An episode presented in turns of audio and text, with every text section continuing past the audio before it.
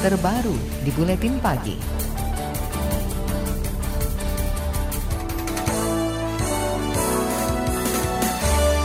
Mulai 2021, Kementerian Pendidikan dan Kebudayaan akan mengganti sistem ujian nasional dengan asesmen kompetensi minimum dan survei karakter. Menurut Menteri Pendidikan dan Kebudayaan Nadiem Makarim, penggantian sebagai bagian dari empat kebijakan, yakni menghapus ujian sekolah berstandar nasional, mengganti perampingan rencana pelaksanaan pembelajaran, dan perubahan zonasi penerimaan peserta didik baru.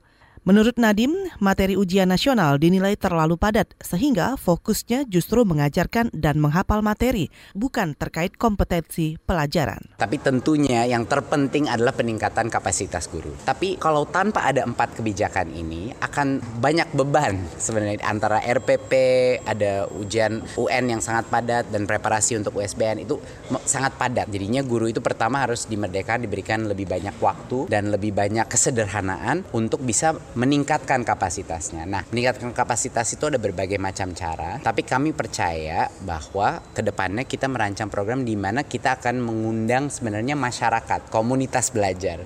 Mendikbud Nadiem Makarim optimistis kompetensi guru bisa ditingkatkan secara perlahan untuk bisa bersama beriringan menjalankan empat program Kemendikbud. Meningkatnya kompetensi guru diyakini mendongkrak kompetensi siswa. Komisi DPR yang membidangi pendidikan menilai wacana asesmen kompetensi minimum dan survei karakter sebagai pengganti ujian nasional tepat. Anggota komisi yang membidangi pendidikan DPR Andreas Hugo Pareira meminta Kemendikbud mempersiapkan guru dengan matang agar bisa menjalankan tugasnya dengan cermat dan teliti. Anggota DPR dari fraksi PDI Perjuangan itu mengusulkan agar kompetensi para guru ditingkatkan dengan pembekalan panduan komprehensif terkait metode asesmen pengganti UN. Poinnya adalah guru harus dipersiapkan untuk memperoleh paradigma baru di dalam pendidikan yaitu bagaimana guru mempunyai kebebasan untuk memberikan, untuk menyiapkan proses pendidikan dan untuk melakukan evaluasi di dalam proses pendidikan. Karena tidak ada satu proses tanpa evaluasi dan pendidikan pendidikan pun uh, membutuhkan evaluasi. Hanya namanya saja yang berbeda, metodenya yang berbeda. Kalau dulu namanya ujian nasional, sekarang namanya ya metode untuk mengukur kompetensi minimum dari siswa di, dengan periode jenjang waktu yang berbeda. Anggota komisi yang membidangi pendidikan DPR, Andreas Hugo Pareira, mengatakan evaluasi terhadap metode asesmen ini juga diperlukan sebagai bahan koreksi atas kekurangan metode itu.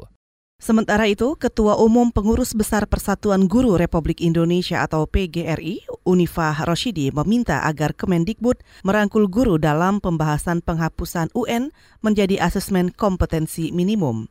Unifah menceritakan masih banyak guru yang belum mendapat sosialisasi perubahan penilaian kompetensi siswa yang akan diberlakukan mulai 2021.